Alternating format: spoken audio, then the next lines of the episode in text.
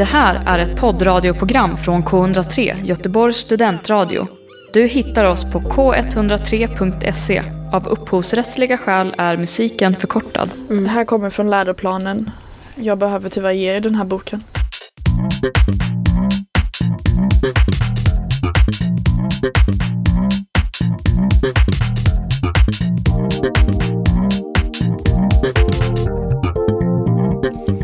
Välkomna till ännu ett avsnitt med Bokkvartetten med mig Lisa, Nora, Alexandra och Maja.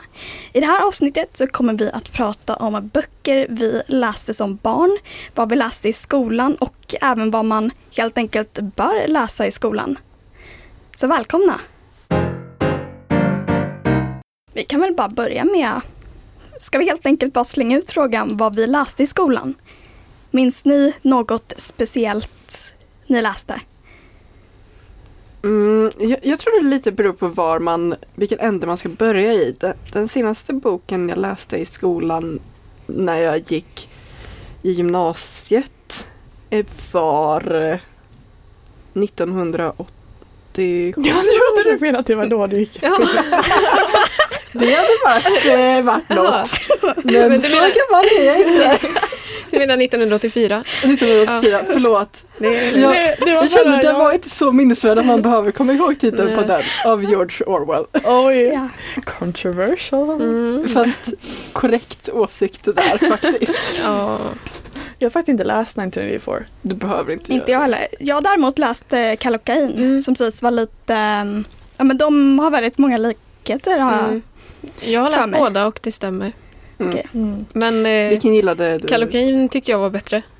Mm. Eh, 1984 har för många eh, orimliga saker. Bra, då kan jag skippa den senare.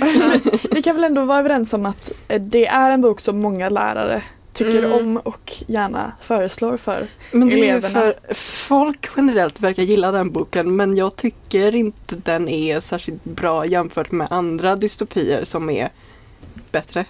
Nej. Eh, Nej, nej men jag, jag gillar den och Kallocain har ju väldigt, alltså de har ganska samma idé. mm. Alltså själva samhället, känslan av hur det är att leva i samhället där är ju typ, eller ganska likt. Men jag tycker att ehm, alltså 1984 har för, så här, det är mer hur karaktärerna beter sig som jag tycker gör den Mm. helt orimlig. Alltså, Ja men den är Ehm. typ jättekonstig egentligen med Ja. hur karaktärerna liksom vad de gör och varför de gör det de gör Mm. och sen själva utvecklingen av handlingen är rätt udda egentligen. mm, I don't buy it. ja. Nej men mitt, nej, jag köper inte heller att han får ögonkontakt med en kvinna två gånger och nästa kontakt de har är en lapp där det står så här, I love you. Och man bara fast nej, Nej. det är orimligt. Lägg ner. Skärp. Du sa att det var på gymnasiet. Ja. För det var ändå, eller just det, just jag hade glömt helt glömt bort. Jag tänkte för att det var ju en klassiker. Mm. Och det känns som att på gymnasiet så kommer det in en del klassiker och så tänkte jag först att jag tror inte jag läste några klassiker i skolan på gymnasiet. För sen kom jag på att jag läste ju Flugornas herre. Ja, Mm. det gjorde jag också. Den var ju Fruktansvärt. fruktansvärt. Alltså, för, oj, gud vad hemskt. Alltså, det är ju också en sån där bok som alla... Men jag förstår inte. Nej. Den är så... Den var nästan ogenom... Ja, li- För jag har liksom nästan tänkt läsa den på min fritid men är det något jag kan skippa då? Alltså, så här, om du vill läsa den för din, liksom, att du vill känna till den och så här, du, För på ett sätt kan man ju tycka att man... man alltså an, en av anledningarna till att man vill läsa klassiker är väl för att man vill så här, känna igen... Man vill känna till referenser och så. Då är det klart att då kan man inte säga nej till att läsa någon klassiker. Men Mm. För läsupplevelsens skull så rekommenderar jag inte den. Liksom. Ehm, Jag har inte läst den men jag har sett filmen så jag vet typ vad den men gud vilken galen film att göra. Alltså, Men har, ni, Ja, har du sett filmen? nej, Jag har nej inte men jag menar sett det filmen. låter alltså jag Men det är typ en rätt gammal film, 90 90-80-talet Ah. tror jag. Och så, alltså den är inte den högsta budgeten på en film heller. Mm. Men eh, jag minns filmen som eh, helt OK men Mm. jag såg den i skolan faktiskt. Eh, så, så mycket av den minns jag inte. Men Mm. Men Nora, om du tänker så här, separerar vad du tyckte om den Mm. och bara ser på den liksom objektivt så här. tycker du att man kan se att den har så här någon storhet i litteraturhistoria? Eller liksom, för jag tycker typ att det också är svårt. Alltså jag vet inte om jag skulle Alltså sen jag har läst, sen jag läste den boken i gymnasiet så har jag liksom inte hört någonting om den. Så det känns inte som en klassiker som, man kanske, som det kanske finns lika mycket referenser till i, så- alltså som det finns till vissa andra klassiker. Jag man tror, ändå kan- förlåt nu avbryter jag dig, på- men eh, för de gjorde, vad heter den boken? Wilder Girls. Just det. är det? Den Mm. är som en rem, alltså som en bokversion av en remake Okej, av okej. Flugornas herre. herre Jag har inte läst Wilder Girls men tjejer jag har och den i mm, min eh, nutid, bokhylla. Ja. Jag har inte läst den heller men Nej. det är, om mina källor är korrekt så är den baserad på Flugornas herre. Ja, Ja, för men- jag tror att det kanske finns fler referenser än man tror. Man Ja. tänker, Mm. alltså Hunger Games är ju inte helt det är sant. så här. Jag tror, jag tänker att idén förekommer ju i mycket, även om det kanske inte är Mm. uttalat eh, inspirerat av och sådär. Men ja, den var bara så himla... Jag vet inte. Men även om det finns referenser, ser Ja. ni någon ehm, att man ska läsa den just i skolan? Va, vad tänker ni om det? Varför Mm. tror ni er lärare Är det liksom läsa i... den? Alltså min engelska lärare var Jag vet inte vad jag kan Wow. säga här än remain eh, Ja, eh, hygglig. Ja. Mm. okej. Men jag, jag tror Det just... känns jag som förstår. att han valde den boken för att plåga oss. Oj, Det var lite på den nivån. den Oj. nivån. Han hade oj, ett oj, väldigt oj. smug smile Oj. när han berättade om den. Mm. Men, jag, jag tror nog att det kan vara speciellt på engelskan för att det finns ju just att läsa eh, så här, på universitetet, eng, eh, alltså engelsk litteratur, det känns som en väldigt stor grej i engelskspråkiga länder. Liksom att man, det är typ ganska hög status att läsa, alltså att plugga engelska, eller så här, vad säger man, litteratur. Ehm, och då känns det som att engelska lärare just tänker typ att man måste läsa de här engelska klassikerna Mm. och att det är typ någon sorts, att de har typ högre status än alla andra klassiker. Eller jag vet inte, det, det känns lite som att de... Om jag minns rätt från gy- gymnasiet så Ja. finns det ett kunskapskrav som handlar just om att man måste ha läst en klassiker för engelska 7 tror jag. Mm, Men Mm. jag ska Ja, För mig var det nästan tvärtom, för vi läste väldigt, väldigt många klassiker på svenskan i gymnasiet. Mm. Kanske också berodde på läraren, eller ja, min Mm, lärare älskade de böckerna han valde. Och det är väldigt eh, positivt och gulligt på ett sätt, för om han verkligen gillar dem och eh, engagerar sig i dem så smittar det av sig lite grann också. mm, Eh, istället för att läraren bara har valt en bok för att. mm. Det vill säga, Mm. det, det, det, Nej, det fanns diverse klassiker men han valde de som ändå var bra. Ja, jag tror att våra Mm. lärare valde böckerna för att, för att den, de vi hade på engelskan att välja på det var ju till exempel Flugornas herre och så var det eh, To kill a mocking, vad heter den? To kill a mockingbird. Ja. Bird. Att eh, döda Ja. en helmtrast tror jag den heter på Mm. Fast den heter också något med den, Den heter dödssynden. dödssynden. Ja, Den, den brukade heta, eh, Ja. den brukade heta dödssynden. ja, Och sen för några år sedan gjorde de en rebrand att, ja okej. att döda okej. en helmtrast. Jag tycker inte den titeln ger liksom, jag har inte läst den men jag har tänkt läsa den men titeln lockar inte Nej. särskilt på svenska. Att Nej. döda en hand. Men om ni tänker, den kategorin av böcker var ju det vi fick välja på så fick alla Mm. välja en och då tänker jag att den läraren bara hade tänkt så här Okej, vilka är de obligatoriska engelska klassikerna? Här Mm. har ni en lista, välj en. Alltså jag tror Mm. inte att hon kände något speciellt för någon av dem så. Det min lärare gjorde på gymnasiet i engelskan när vi läste klassiker var att hon, hade, hon gav oss riktlinjer att det behöver vara en bok som är skriven eh, under den här tidsperioden typ av en engelskspråkig författare. Så engelska var eh, huvudspråket den är skriven på. Och sen eh, Så ni fick välja själva fritt, därefter? Ja. Eh, och, eh, men det var för att jag minns typ inte vad vi läste i engelskan, de ett, ettan eller tvåan. Men trean vet jag specifikt att vi gjorde så. Men mitt minne är lite luddigt från eh, vad vi läste de, de jag tror åren. inte vi läste, nu mitt minne är väldigt dåligt, men jag tror inte vi läste någon klassiker på engelska. Eller jo, det gjorde vi väl, men det var verkligen klassiker på svenskan. Mhm. Eh, engelskan var lite mer skönlitteratur. Ja, vi läste nog en bok som var så här, kom från 2010 eller något. Och det är Det inte... var uppfriskande. För mig Ja. var det typ tvärtom. Att i svenska läste vi typ inte mycket klassiker alls. Men i engelskan så läste vi då Flugornas herre. Jag ville bara Mm. säga för att försvara Flugornas herre. Alltså I'm not qualified eh, för att säga att den eh, inte har varit inflytelserik. För jag, jag vet inte hur mycket den Nej. har påverkat. Nej men jag tänker... men den var ju trash. Ja, ja men alltså, ja, ja jag håller med. Men, men vissa böcker är det som man väldigt tydligt kan se att okej, jag gillar den inte men jag förstår Mm. storheten. Men Mm. med den är jag inte beredd att säga att jag förstår.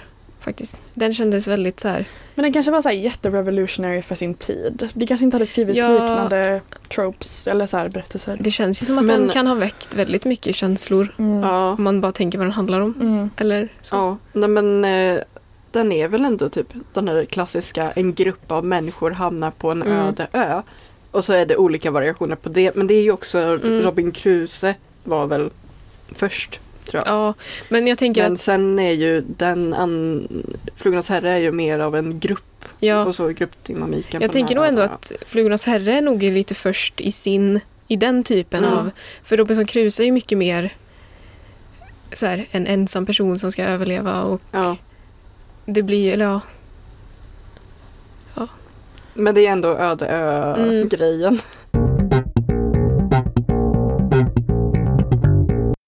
men ser ni att det finns någon risk att, eh, ja, men att läsglädjen kan rubbas om det nu är så att läraren i fråga väljer böcker som klassen ska läsa? För för mig har det varit lite både och. Jag minns i mellanstadiet och högstadiet fick vi välja en hel del men sen uppe i gymnasiet så valde läraren. Mm. Alltså absolut. Ehm, sen så tänker jag att det beror mycket på läraren och Ja. om man håller med om lärarens eh, boksmak.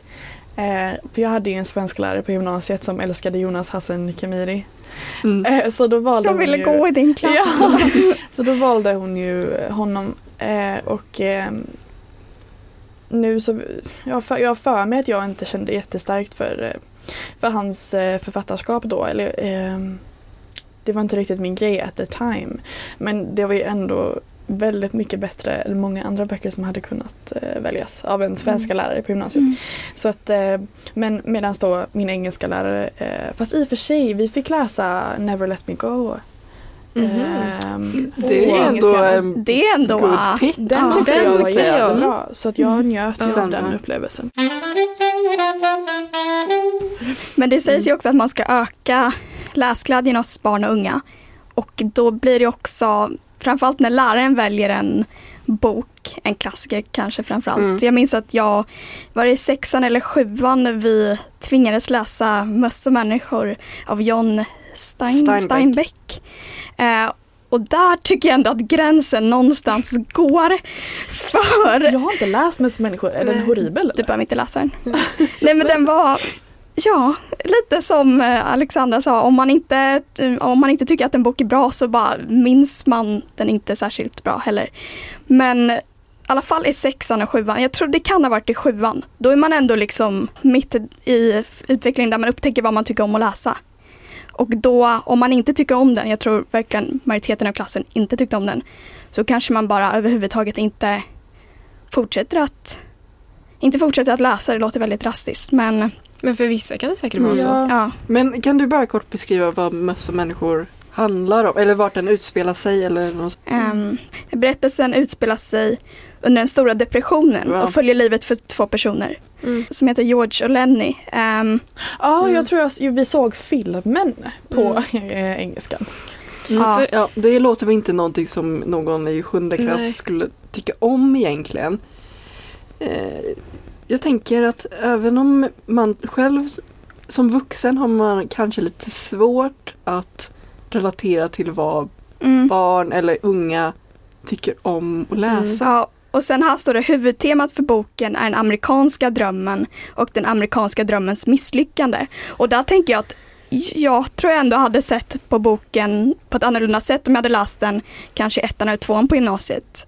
Om man Mm. läser den i sjuan just med, ja, men om man har gått igenom amerikanska revolutionen och lite sånt under högstadiet. Men jag Mm. tycker, alltså med just klassiker, det kan vara liksom generellt svårt att komma in i att läsa det. Så jag förstår på ett sätt varför lärare väljer att eh, ja, barn måste ändå läsa lite klassiker då och då. Det är ändå eh, viktigt för allmänbildningen. och Så. Jag tror det beror på vilken klassiker man väljer. Det måste Ja. vara ändå någonting som man på något sätt blir intresserad av. Jag Mm. hade nog tyckt det var mer rimligt om ni hade läst typ Sherlock Holmes eller något Mm. sånt i sjuan. För det är ändå en spänningsroman. Mm. För jag tror till och med min svensklärare i gymnasiet tog upp människor som exempel. Att han hade läst den förut med sina klasser. Och då var det ju, det är ändå fyra, fem år emellan Mm. där från sjuan till.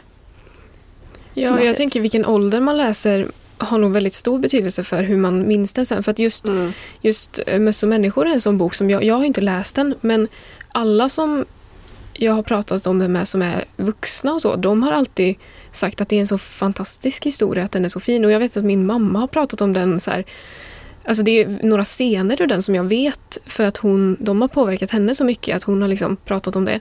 Och därför så har jag ju alltid haft en positiv bild av den. Fast sen har jag inte läst den och jag har alltid tänkt att jag vill. Sen så hör man någon som då behöver läsa den i sjuan. Och då tänker jag att det är säkert många man träffar som är i ens egen ålder som har läst böcker när de kanske, alltså, som kanske var för tidigt för att läsa just den boken. Och då förstör ju det också den boken kanske för att man kanske inte är så sugen på att läsa om den. Mm. Hur gammal var din mamma när hon läste den? Det vet jag inte men jag tror Nej. att hon var vuxen. Ja, okej. Mm. Och sen är jag inte heller 100% säker på att hon har läst den eller hon kan ha sett någon film eller sådär men hon har i alla fall väldigt så här, känslomässiga, hon beskrev i alla fall de här scenerna väldigt känslomässigt. Det var med Mm. några så här hundvalpar typ. Mm. Eh, och den här Lenny som inte förstår. Jag minns att någon Ja. av dem har en, jag tror det är en mus i sin handflata och så råkar han krossa den. Ja, och, eller ja, det var i alla fall någonting Fast som... han är väldigt hårdhänt, han liksom känner inte av saker och ting han okej. greppar. Ja, och att det så här, i alla fall jag tror att jag blev väldigt berörd. Jag var nog väldigt liten när jag fick höra den här scenen då att Mm. han tyckte de här djuren var så söta så att han liksom, eh, vad ska man säga, klämde ihjäl dem för att han tyckte de var så söta Ja. och att det var, det var så himla tragiskt. Och därför så har jag bara tänkt att den är jättefin den boken. Mm. Men ja, det är kanske är bra att jag inte har läst den än. Att jag kanske Men- fortfarande har kvar den. Men nu känns det som jag bara hatat på den, men det har jag det har jag väl gjort. Men eh, jag tänker väl att om jag hade läst den idag så jag tror inte jag hade tyckt den var jättebra men ändå hade jag väl givit den kanske ett helt okej betyg. Mm. Men man blir ju också sjuan. påverkad med vad man tyckte första gången. Ja, Ja. Så verkligen. då, eh, Men det, Mm. om, om man även tänker läsning i allmänhet, för nu har ju ändå jag haft ett läsintresse så jag har ju sökt Mm. mig till andra böcker. Men de som inte har tyckt om att läsa och läser den här boken, det, ja, ja, nej jag kan inte tänka mig att det var liksom en tjänst av läraren. Eh, Om man säger Nej. så. vi läste ju också hela boken, det var inte ett utdrag eller något. Men var det högläsning hela tiden? Ja, min lärare läste, sen läste väl vissa, ja, Jag ibland. saknar högläsningen. Mm. Den var ju mysig. Ja, Man kunde sitta och Vi hade Vi, vi hade typ att någon boken. påbörjade där fram. Ibland hand, hade vi att man liksom gick så här, precis eh, vid bänkraderna. Mm. Men ibland kunde någon där fram påbörja och sen den som kände där bak kunde fortsätta. Men Mm. det var också väldigt, för ibland kunde båda börja läsa samtidigt eller så var det typ helt knäpptyst i 30 sekunder. Jag minns att vi hade högläsning eh, i boken Fröken Julie. jaha, oj. Inte det, det är en pjäs va? Ja, Det var intressant. Ja, det, var, det var i högstadiet. okej. Men vad, det känns som att det ändå var sent ändå ni hade högläsning. För vi hade ju det liksom i lågstadiet och mellanstadiet lite. Det känns som att Eller vi hade det i mellanstadiet också. Jo, jo, jo, men jag menar att det känns som att när, eller om jag tänker på den klassen som jag gick i högstadiet, Mm. det hade inte gått att ha högläsning på Vi vår hade klass. högläsning Eh. fram till sjuan, tror Oj, ja. jag. Men jag håller med om att Eh, det men då känns ganska det- sent. Ja. Mm. För att, ja. Men då var det hade. liksom, jag tror det var på morgonen vissa dagar så var det typ en halvtimmes högläsning. Eller, men eh, vi hade den typen av liksom, högläsning när alla läste upp när vi läste lysistrat i gymnasiet. Ja. Eh, men då, om jag minns rätt så var det att hon delade ut vilka som var vilka roller. Det, ja. För det är ju en pjäs. ja. Eh, och så, eh, när, så fick man läsa, sina, läsa upp sina repliker typ då och så blev det som en liten roligare grej än att bara sitta och läsa den här Mm. pjäsen. Mm, och det är sant. det Men där är, där är ändå högläsning kul för då Ja. gör man ju liksom en grej av det och man förstår det på ett annat sätt. Men just att läraren läser högt, det tror inte jag vi hade förrän, ja men, ja men jag tror vi upp till sexan, sjuan, Mm. om ens det. Men däremot så minns jag i mellanstadiet för att vi skulle, eller för att eh, locka folk att läsa, så hade vi något som hette läsprotokoll. Det var att alla skulle läsa en halvtimme varje dag ur en bok, man valde själv. Och så skulle föräldrarna signera att man hade läst en halvtimme. Hur gamla var ni då? Eh, det var i mellanstadiet. Ah, okej. Oj, vi hade också ungefär så. Och, eh, eller jag var ju inte en vad säger man, läsare förrän jag var typ 9-10. Alltså innan dess så hade jag väldigt svårt för att liksom eh, Mm. Jag hade inte tålamodet för att läsa när jag var liten. Eh, och då hade vi så att man skulle läsa, och det var ju i lågstadiet. Att man, vi hade en liten bok där man skulle läsa varje dag och så skulle föräldrarna, och jag bara så struntade i att säga till mina föräldrar att det var någonting man skulle göra. Och sen så skickade de ut något så månadsbrev till alla föräldrar och så här, hoppas det går bra med läsningen. Typ, och mina föräldrar bara så här, du har inte sagt att vi ska läsa varje dag. Och jag bara, mm. så här, då blev de ganska arga men eh, Menar du att du inte läste då? ja, eller? jag, lä- jag struntade i det för jag tyckte inte det var kul. Men eh, Nej. ehm, ja, det var ju eh, hästböcker som fick mig att börja läsa. Mm. Mm. Eh, för att jag blev så, eller jag eh, tyckte ju om ridning och så när jag var liten så att det, det var det som fick mig att liksom hitta Det känns som att för många, eller för, det känns så delat. Det kan säkert vara så att många finner intresse genom läsningen i skolan. mm, Men också många som eh, blir mindre motiverade av det. Mm. Just för att det blir ett krav. Eh, och inte hittar intresset förrän på, på ett annat håll. Till exempel Mm. som du med hästar. Eh, så det kan ju vara så olika. Jag minns att vi hade så här, det här var nog i lågstadiet eller så när man började Mm. läsa i skolan.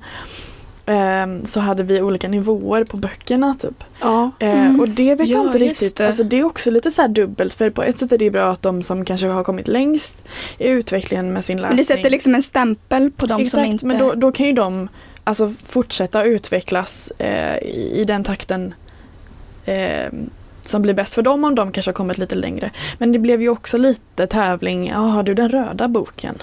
Det hade ja, jag också har det. den gula. ja, Eh, och så, så här, ja. Jag minns i ettan när man hade sådana eh, läsförståelseböcker. Ja. Eh, för då var det ju typ en sidas text och så skulle man svara på frågor till. Men jag minns det från ettan för alltså jag vet inte men jag var väldigt bra på läsning generellt och jag lärde mig läsa väldigt fort. Så för mig var läsning alltid någonting jag tyckte var kul på det sättet. Eh, för jag läste typ första Harry Potter-boken läste jag typ i tvåan och eh, och då hittade jag mer böcker genom det och så, så det är liksom läsningen har alltid funnits där för mig. Så för jag, men jag förstår samtidigt de som har kanske typ läsvårigheter eller bara inte har hittat någon bok man Mm. blir berörd av. Att Hur man behöva- kommer in. Ja, hur man kommer in i det blir ju Mm. svårare och svårare nästan. Jag tror också mycket har att göra med, för jag minns att jag, min mamma och min syra, vi gick till biblioteket väldigt ofta. Och det har väl också någonting med det att göra att man men bara i, kanske inte vistas i den miljön men att man bara läser bokbakssidor och sånt. Mm. För jag, man vill ju säga att man alltid har varit en läsare men jag tror ändå typ i fyra, femman kanske var, fyran, femman att jag verkligen sa åh det här är ju jättekul. Mm. Hade ni också Ja. sådana här läspass i, i skolan eh, i, i låg och mellanstadiet att man läste typ en halvtimme i början av dagen valfri bok som man skulle ta med sig skulle man bara sitta där och läsa. ja, vi hade också det, fast det hette HSL och så var det varje morgon en halvtimme och det betyder hela skolan läser. Jaha. Så var det så här, vi har HSL nu. Typ. Ehm, Jag tror inte att vi hade det på min skola. Så. Nej. Eh, nej. Men, men jag tänkte på det, du sa Lisa att eh, dina föräldrar eller din mamma hade tagit med dig till biblioteket och så. Och det, ehm, mina föräldrar, speciellt min pappa, läste väldigt mycket för mig och min bror när vi var små. Högläsning på kvällarna och så. Och det är jag ändå väldigt tacksam för, för att även om jag själv inte började läsa aktivt så tidigt så, vet, alltså, så har jag ändå ehm, alltså, jag, ser, jag, jag vet ju att jag ändå indirekt alltid har läst på ett sätt. Det är många berättelser som jag, alltså typ alla Lasse-Maja-böcker till exempel läste jag ju kanske mest tillsammans med mina föräldrar när jag var liten. Alltså att eh, jag har mycket så här lågst, om man säger inom citattecken, så här, lå- lågstadieböcker med mig Mm. som jag kanske egentligen inte läste själv men jag ändå och det tror jag ändå är värdefullt för att så här, förstå. Som att det funnits där Ja. omedvetet och att det inte var en lika stor klaff mellan Ja, just intresset och att verkligen ta sig an och läsa. ja, för om man tänker att man inte har det alls, man har inget med sig, man har inte heller intresse och så kanske man inte har så här uppmärksamhets eller ja, men tålamodet för det. Mm. Då blir det ju ett väldigt stort steg att gå från att inte ha men alltså att läsa en hel bok, det blir liksom en, ett större steg på något sätt. Sen det är Mm. också svårt för det kanske inte är alla föräldrar som har tid eller all- alla som ens har två föräldrar som kan ta med en till biblioteket eller läsa. Så Nej. då spelar ju skolan en viktig roll. ja. Men den kanske inte gör det, alltså, det kanske inte är det mest effektiva sättet att väcka läsarintresse som det alltid eh, eh, som det blir till slut eh, från skolans håll. Mm. Det är lite Nej. fel, felaktig approach ibland. Alltså om jag tänker på min skolgång, jag tror att våran skolbibliotekarie var, eller jag tror att våra lärare och skolan och så var, var bäst på det i lågstadiet. Mm. Och att det blev ehm, mindre och mindre motiverande ju mer det kändes som att lärarna hade liksom en tanke med varför vi ska läsa just den här boken. Mm. Medan i lågstadiet var det mer så att man gick till skolbiblioteket och så kanske eh, bibliotekarien så hade lite olika böcker och typ nu har jag köpt in lite nya böcker. Det finns den här och det finns den här och den här. Och så var det liksom att ni får inte låna mer än fem böcker och då var det som att det motiverade alla att då ska jag minsann ta alla fem böcker som jag får. och att alltså, alla gick ju därifrån med fem böcker. Och, Mm. och sådär. Att jag tror att eh, valmöjligheterna där var gjorde att alla ändå, jag vet inte hur många som läste böckerna sen, men att man ändå tog dem. Mm. Ehm, Mm. Jo, för valmöjligheter är ju ändå väldigt viktigt för att väcka ett intresse. För ibland kan nästan en, om det känns påtvingat, eh, även om boken kanske är kul så händer ju någonting där. Det har man ju märkt själv. Ä- även om man läser en jätte, jättebra bok i skolan så läser man ju ändå den i liksom ett- nästan ett skolsyfte.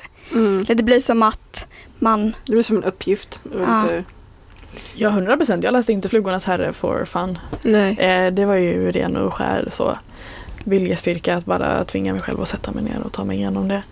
Det här triggade ett nytt minne från engelskan i gymnasiet. Eh, år två läste vi The Great Gatsby. Ja. Det var de Mm. tre böckerna vi läste. Det var bra. Det... och, och vad tyckte du om den boken? Den gillade jag inte heller men av andra anledningar. Mm.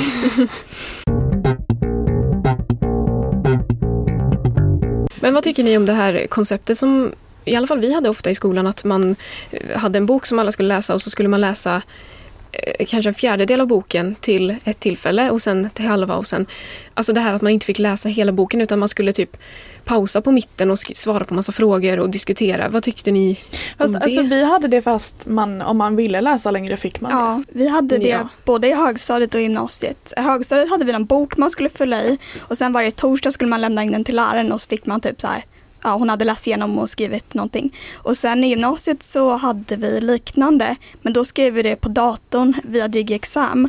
Och, eh, och jag minns första, det var ju nästan som, eller ja, min lärare kallade det för läxprov då.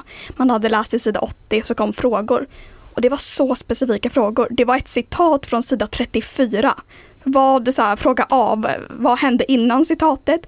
Fråga B, vad hände Oj. efter? Oj. Och det står verkligen, det här är hämtat från sida 34. Snälla någon. Så där, ja. Mm. Men kände du att du tappade motivation då när Ja. du inte fick läsa liksom, i ett, Ja, jag tror att det var... För jag brukade ofta, alltså man läste klart det ganska snabbt och så gick man och väntade bara. Och så. Mm. Sen så var det alltid att en, den sista frågan var alltid så här, vad tror du kommer hända sen? Och man bara säger, jag Alltså. orkar inte, för då, det gjorde också att Ja. man typ inte riktigt kunde läsa vidare för att då visste man att då kommer inte jag kunna svara ärligt på den här frågan. Och så, det var typ ett sätt för dem att, Men Hindra pratade ni om det ja, ja först så skulle man läsa, sen skulle man svara på frågorna och sen skulle man diskutera frågorna i grupp. Mm. Eh, och då blev det ju att man förstörde ju lite för gruppen då om man bara, jag vet att det här kommer hända. Så det blev liksom att, Men Om- så hade vi ja. typ i femman känns det som. Och sen Ja. hade vi ju ett helt annat system i 16, 7, 8, 9 att man fick själv välja vilka böcker vi hade för den svenska läraren var väldigt så här Ta vilken bok ni vill, läsglädje! woho!" Mm. Eh, och eh, sen på gymnasiet så var det mer av den här läs till sida det här, alla som läser s- eh, och sen eh, diskutera sådana frågor igen, vilket jag känner lite Ja. ja, Men jag känner också, alltså, det är ju eh, den ena sidan av det att man eh, tycker att det blir tråkigt att man inte får läsa klart allting. Sen andra sidan är ju de som kämpar med att ens hinna läsa till Mm, den sidan. Mm. Så att eh, man får inte glömma det perspektivet heller. Men jag tänker att, eller jag tyckte det var bra så som vi hade det, att vi hade sådana riktlinjer att så här, Mm. försök läsa till den här sidan men man kunde läsa längre om man ville också. Jag tror inte vi Mm, hade någon så hade sån fråga, också. vad hände sen? Nej. Utan det var andra frågor man ändå kunde, som alla oavsett liksom om den Mm. ena hade läst klart och den andra hade bara kommit till den sidan så kunde man ändå diskutera. Men det kan nog ligga något i det du säger Nora, att om man, om man har bara en deadline för när boken ska vara utläst, då kanske det finns vissa som skjuter upp att ens börja. Mm. Alltså, Ja. Det finns nog de som inte, har man uppdelat så kan det nog bli lättare för vissa också att ta det bitvis om de har ett större, alltså Mm. om det är en större tröskel att Men det Mm. som min lärare ändå gjorde bra var att hon varje vecka satte upp Ni bör ha kommit till den här sidan för att Hinna. hinna. Ändå riktlinjer Jo, för de som ja. känner att de inte klarar Precis, av att liksom... och det tyckte jag ändå var bra Jo, på det sättet. Jo, men man vet ju att så fort en lärare inte på riktigt ska kolla av någonting så finns det ju de som bara struntar i Mm. det. Jag vet att vi, vi läste någon bok. Åh, vilken bok var det? Det var ju någon... Jag tror att det var vi fick välja. Några läste Utvandrarna och några läste Mina drömmars stad. Mm. Eh, och då var det en som skulle läsa Mina drömmars stad som inte hade läst den och det var kvällen före som hade hittat någon sån här ljudbok på lätt, alltså lättläst version. Så han hade lyssnat igenom den på typ dubbel hastighet. Oj, vad illa lättläst version av eh, som var så här två timmar typ recap av boken för att hinna klart och då blir det ju liksom att det är ju en ganska lätt utväg och det, det, blir, det blir ju kanske också att, eller ja, det kommer inte heller bidra till läsintresset riktigt att man ska snabba sig igenom. Nu, nu. Någonting jag hade ändå velat var om man försökte ju åtminstone från lärares sida även i äldre i, i liksom högre åldrar att försöka göra läsning kul. För man läser ju typ varje år, läsning minskar med så här många procent bland unga och så. Ja. Men det är väl för också till viss del att med internet och med all, allting annat så finns det mindre motivation till att läsa. Mm. Och Men då det- måste man ändå förebygga det på något sätt. Men man får inte heller så här, man får inte tro för lite om, om ungdomar heller. nej. Positivt Nora. Nej men för jag var, jag var ju på bokmässan och då var vi på Mm. ett seminarium jag och min kompis. ehm, om att vara så här, eh, den handlade om ja, men vad som händer med författarna när det blir allt mer ljudbokstreaming. Mm. Ehm, för, alltså för deras ekonomi. Eh, för man inte får lika mycket pengar då. Mm. Men då var eh, då pratade de väldigt mycket om så här, ah, ungjävlarna läser inte idag typ. Och nu var ju vi två stycken som satt då som läser mycket så klart att vi, kanske inte, det är inte Mm. representativt för alla men man, man får inte heller eh, det, det blir så tröttsamt ibland kan jag känna som ändå är del av, av eh, vad heter vår generation nu då? Gen. Ja. Generation Z. Ja. Eh, att såhär bara, ah, ungdomarna idag är så jävla mycket, de är så mycket på telefonen. Alltså man blir inte motiverad att Nej. sluta det beteendet då. Nej, så det nej. finns också en diskurs Men där som är så jävla tröttsam. gillar, alltså BookTok har ju blivit jättestort egentligen.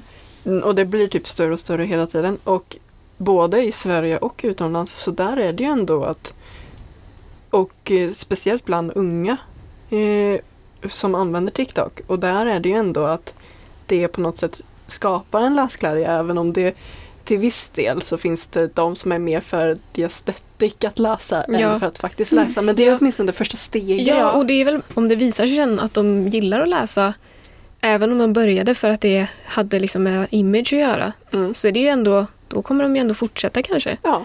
Och eh, Mm. ja, nej, men jag håller verkligen med dig Nora att man blir inte motiverad.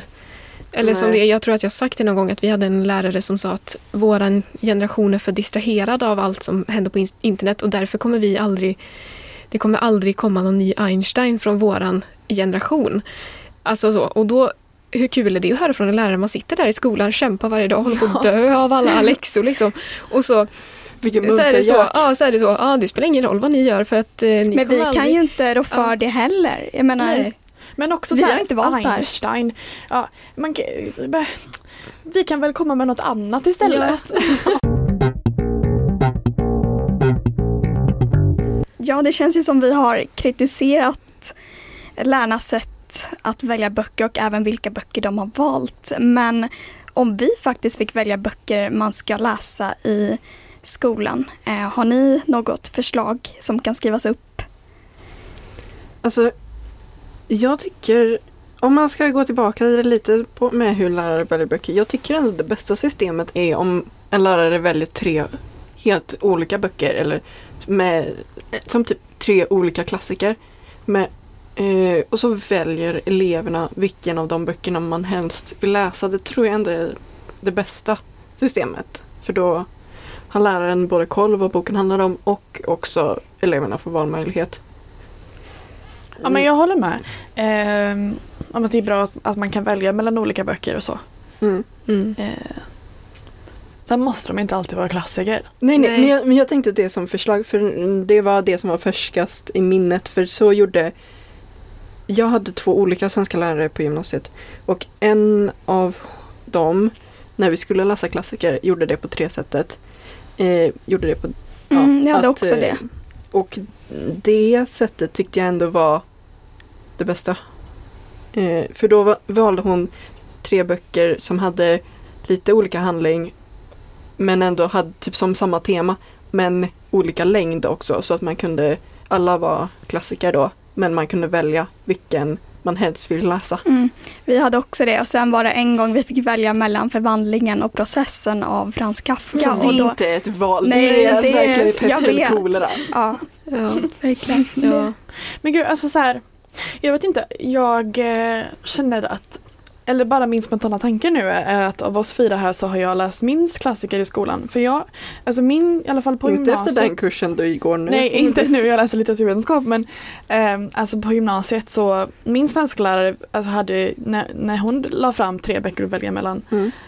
Så var de ofta från eh, men Jonas. 2000-talet och framåt. Ja. Eh, och jag vet inte om det är Var alla tre bra Jonas eller dåligt. Khemiri eller? Nej, jag skojar. Nej, men bland annat. Det fanns nog Mm. alltid någon Jonas Hassan Khemiri i urvalet. Ehm, men ehm, jag vet inte, men jag tyckte ju det var kul eh, att, att, ehm, att det var så. Men eh, samtidigt har jag ju känt ett underskott av liksom, kunskap kring Mm. klassiker. För jag känner om inte min svensklärare hade varit så inriktad på just svenska klassiker som Mina drömmars stad av Per Anders Fogelström, eh, Syna längorna av Susanna Alakoski tror jag heter, så hade inte jag läst dem. Alltså jag hade säkert läst någon av dem förr eller senare men inte i den åldern.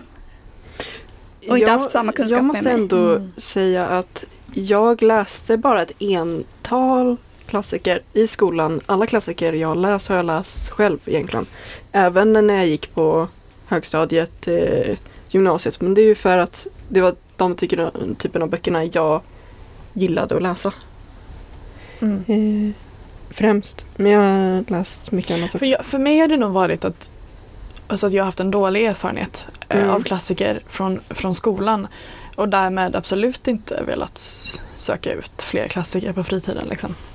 Mm. Ehm, men, men jag vet inte. Men det är Det- verkligen olika beroende på en bok, en klassiker kan ju förändra liksom valet efter det låter jättekonstigt att säga, men liksom Mm. vad man väljer böcker, ja. vilka böcker man väljer på fritiden.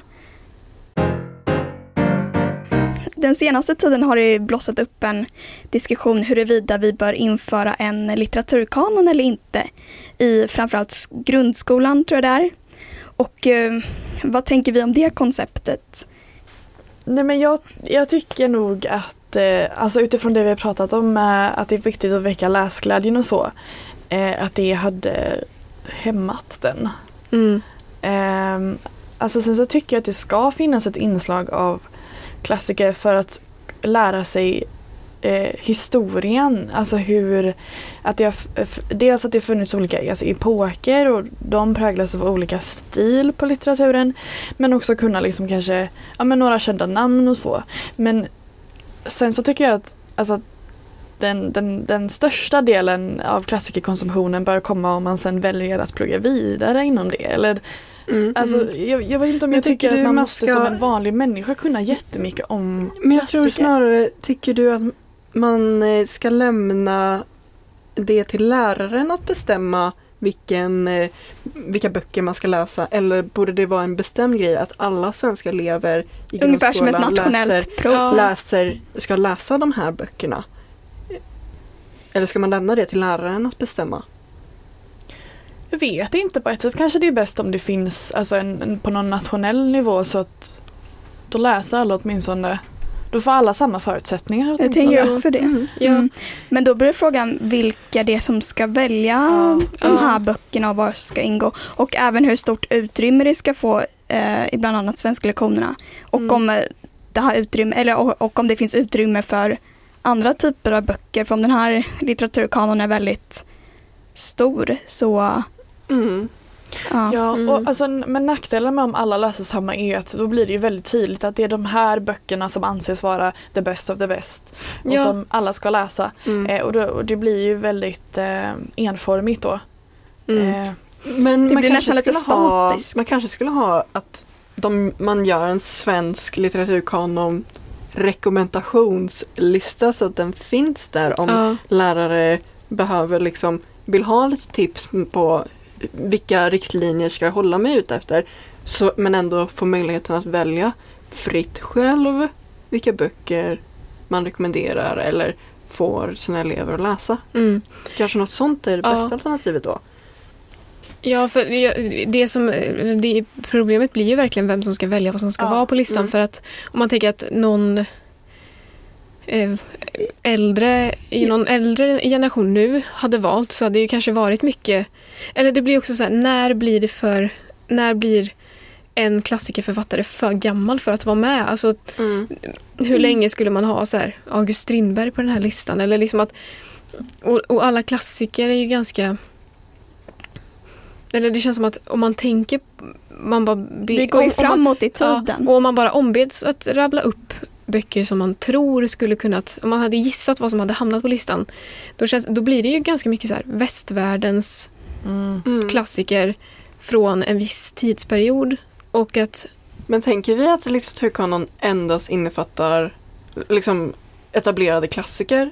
Eller, Det är väl det som... jag var- vet ja. inte. eller men- också moderna liksom, klassiker? Jag vet inte, moderna. de som föreslår detta vet jag inte vad, jag vet inte vad de jag- har ja. för tankar. Men Nej. jag tänker ju att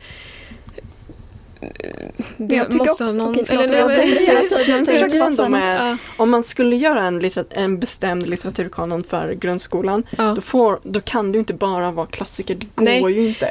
nej, Nej, men jag tänker- hade inte- vara alltså, kan- både moderna Ja. och... Jag tänkte att kanonen är klassiker. Och Ja. sen ska det också finnas utrymme i läroplanen för Ja. andra böcker. Mm. Mm, Ja, Eh. men då blir frågan hur stor den här kanonen Ja. är. Men mm. sen eh, tror jag ändå att em, om den här kanonen ska bestå av klassiker, jag räknar nog ändå med det, i alla fall för högstadiet och gymnasiet. Inte för lågstadiet eller mellanstadiet, tänker jag.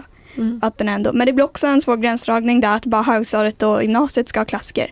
Men jag tänker Mm. framförallt att, att de som ska välja de här böckerna det är också konstigt på något sätt om de väljer böcker, vi säger August Strindberg, eh, Giftet exempelvis, om de själva inte har läst den boken. Eh, man kanske inte har läst allt. Nej jag vet men, eh, men om de sitter, vi säger till exempel om det är politiker som väljer mm. och så väljer de bara för Ja. att Mm. man ska ha läst det här.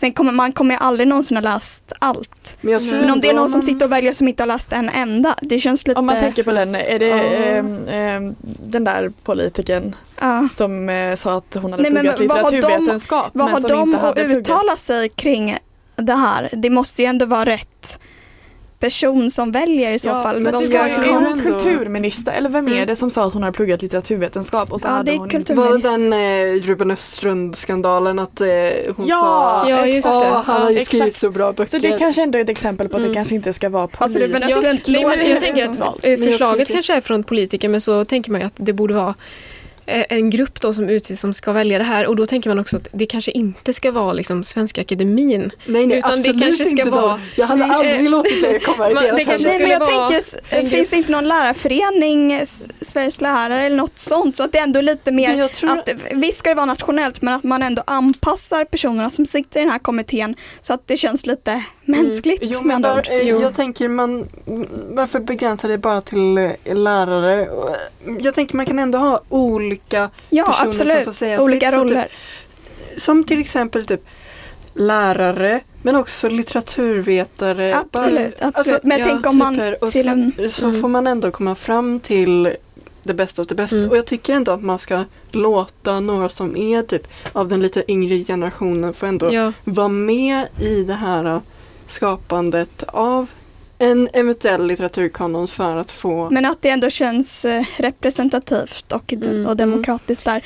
För det är snarare, eller som jag var inne på förut, att eh, det är någon typ här uppe eh, Mm. i politiken som sitter och bestämmer vad barn här nere ska läsa och att personen i fråga inte själv har, man behöver inte ha läst allt, det kommer man aldrig någonsin ha gjort, men det känns ändå som att det måste ha någon förankring Ja. liksom mm. i befolkningen eller vad man säger. Mm. Jag har så svårt att bestämma mig för vad jag tycker om det här. För att på ett sätt så tycker jag det känns som att de som är för att ha en kanon, det är alltså att de är lite så här att det kan bottna i någon så här rädsla för att det som har varit viktigt i historien, liksom att det försvinner och att om man inte läser klassiker så kommer man inte att, att ha kvar liksom våra historiska eh, ja, men det som litteraturen vilar på idag och sådär. Men samtidigt så ehm, det är så svårt att ve- Men för, nå- för någonstans så blir det ju också det kommer ju nya böcker hela tiden och då skapas ju nya klassiker. Så här, Mm. Vissa böcker som görs nu kommer ju bli klassiker sen. Mm. Men, men sen, samtidigt, jag tycker ju också att det är viktigt att läsa klassiker. För för mig känns det ju som det finns ett värde i att läsa klassiker även om jag inte alltid tycker om dem. Sådär. Men det är så svårt att veta på liksom vilken nivå man ska ha det som... Alltså hur, Ja. på Vart vilken, man niv- går på vilken nivå gränsen, man ska eller? ha krav, ja. Exakt. Ja, Ehm, för ja, jag tycker liksom att jag förstår tanken med idén men det finns många problem med den. ja alltså jag vet inte Jo, om jag har ja. ångrat mig helt. så Jag, tycker inte vi ska ha någon kanon kanske. Jag vet inte. Men jag, Ja. jag tycker i alla Men fall vi att har man, ju inget förslag på, den här, på hur den här kanonen skulle kunna se ut än så jag har lite svårt att Men uttala mig bara om att ja eller nej. det, Men, att den inte får ta upp för stort utrymme i läroplanen Mm. i så fall. Ehm, för, för jag tycker också att det är alldeles för mycket fokus på klassiker så som det ser ut nu. Mm. Eh, och att, kanske för att lärarna känner sig tvingade, eller inte tvingade, men att de försöker upprätthålla det utan. Ja, och att jag man fastnar att- alldeles för mycket i, i, i historien. Alltså, Mm. Jag håller med dig där Maja. Alltså, jag tycker vi borde fokusera mer på de böckerna som skrivs idag som, som är revolutionerande. Mm. Och som, eh, det, det finns jättemycket som jag tycker att människor, i, eh, alltså barn, eh, borde läsa som har skrivits nyligen som är viktigare. Alltså, men jag så här- tycker verkligen en blandning där i så Ja. fall. Men de har ju inte, för, för när jag hör ordet um, litteraturkanon så tänker jag på klassiker. Ja. Mm. Och det är väl det de framförallt har diskuterat. Mm. Men jag tycker verkligen det ska vara en blandning så att man ja, förankras i verkligheten eller Ja. vad man säger. För sen om man också tittar på för, författarnamnen förut så var det ju många ja, men manliga, det fanns ju kvinnor Mm. också.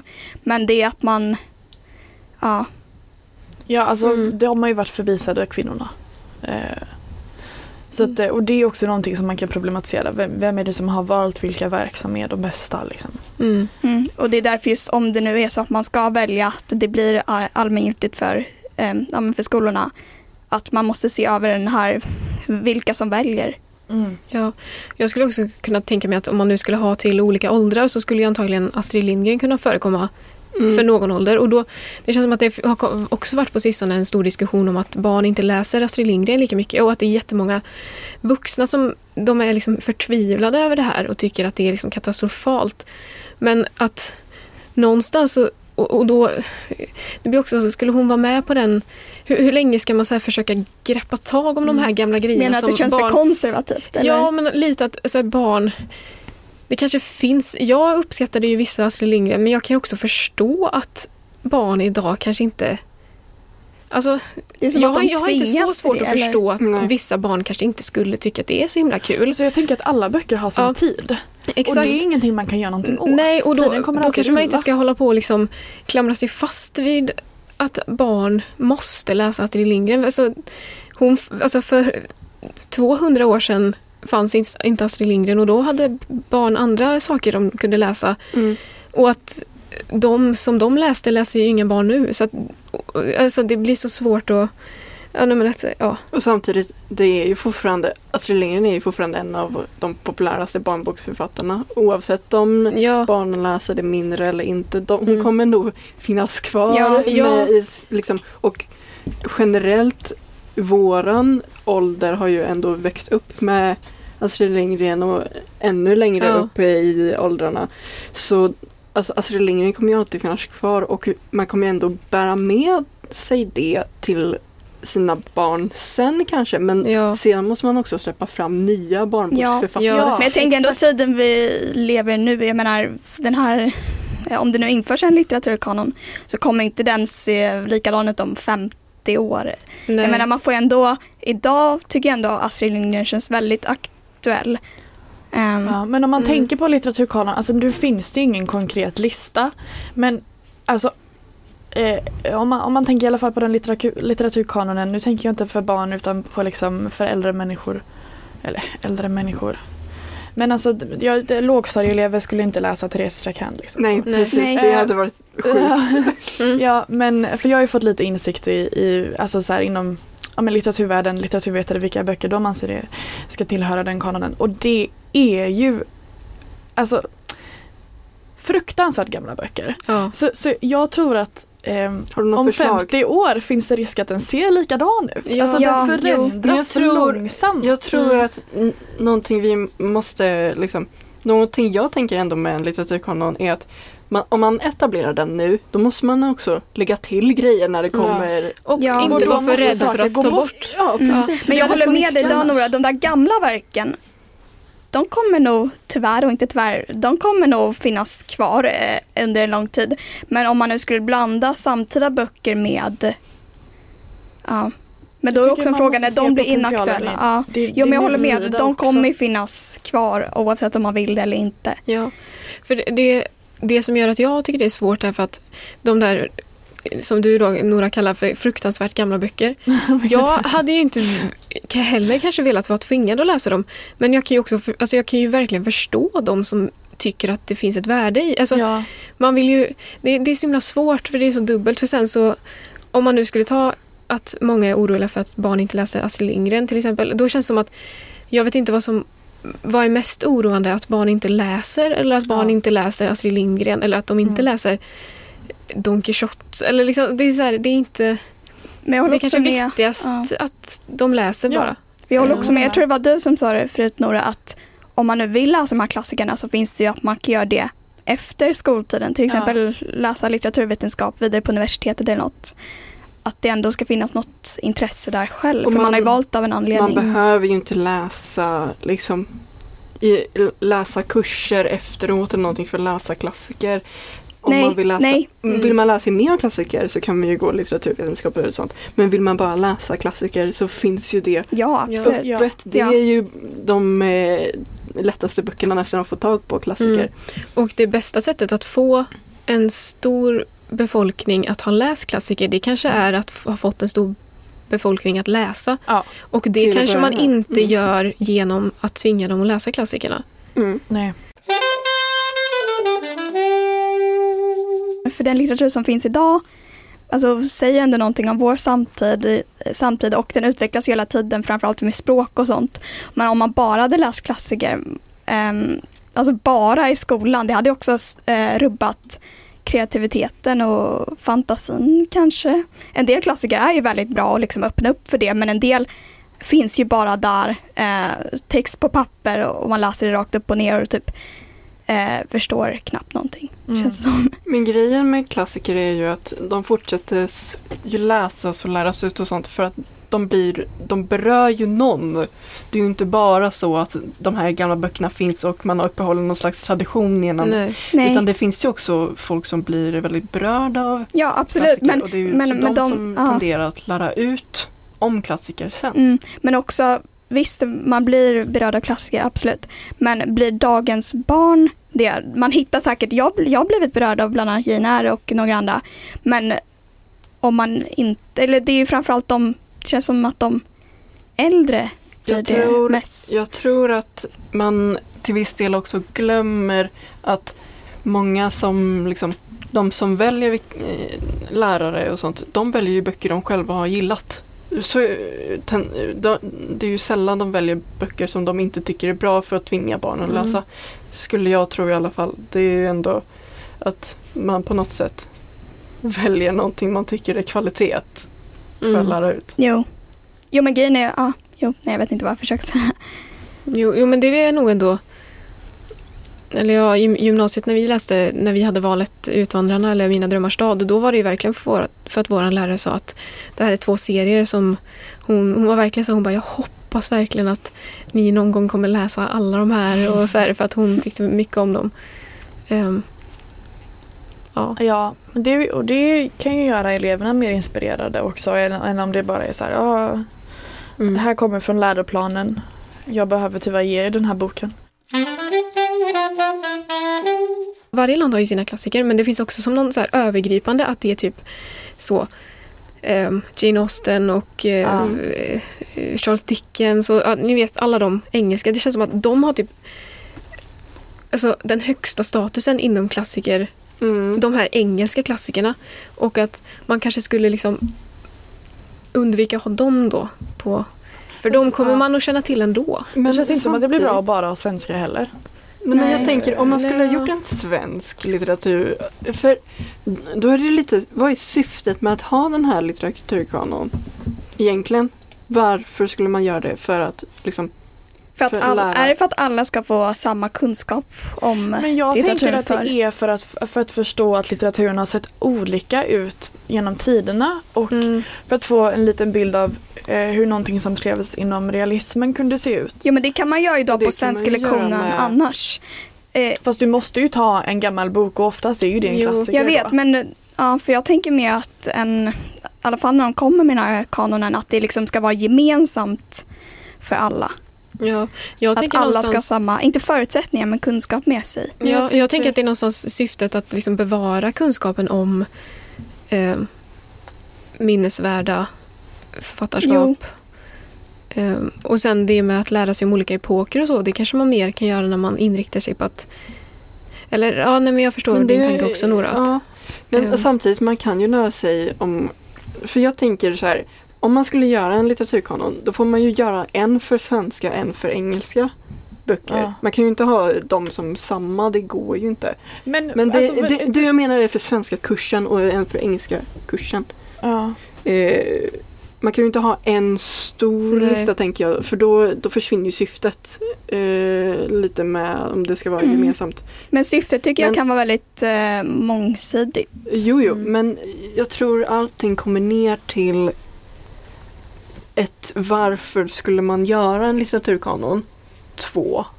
Eh, varför skulle man göra en litteraturkanon? Nej, men också Ja. hur den ska se ut i praktiken. Hur Ja, det, nej, men eh, liksom vad blir syftet och vad hur, och syftet med liksom varför skulle man behöva det här i de svenska skolorna och mm. hur skulle det utformas? Allting sånt Ja. går ju in där. Och på tal om det, jag tror ju lite att de som vill ha det känns lite som att det är för att de bara är rädda för att det inte Ja. finns någon gemenskap längre typ, enligt dem i samhället. Mm. Att de tycker att, att, att det är för spretigt eller någonting. Att de känner att Ja, de kanske bara vill att alla ska så här, vara i samma led, Mm. ha samma referenser. Typ. Jag tror att jag har så här efter vår diskussion Mm. landat i, oj förlåt, att det behöver inte finnas en kanon. Eh, men, jag tycker att det ska finnas både att man läser lite äldre litteratur och att man Mm. läser nutida litteratur. Mm. Ehm, inte, någon, inte bara ena sidan. Nej, olika nej. sorters litteratur. Olika Mm. sorters litteratur. Och jag tror ändå Ja. att man måste läsa olika sorters litteratur för att hitta vad man själv gillar. Ja. Tror jag mycket kommer ner till. För läsglädjen är ju det viktigaste tycker jag ändå. Ja, det var allt för detta avsnitt och denna gång. Och eh, ja, vi hörs igen om två veckor. Tack för att du har lyssnat. Hejdå. Hejdå! Hej då!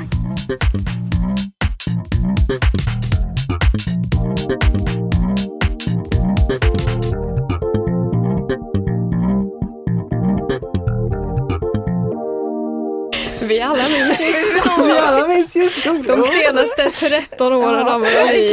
För 20 år sedan. Låter så att du är typ 60. Ja. Och alltså det var, så, det var någon i radio en gång som var så När jag gick i skolan för 100 år sedan. Och så fortsatte den prata om någonting fast den var typ så 40 år. Eller Men de, de får skämta på det sättet. För, Ja. för oss är ju de, Ja, alltså de är ju dubbla våran ålder. och så var det Ja. typ så här två år sedan. Mm. Ja. Du har hört en poddradioversion av ett program från K103.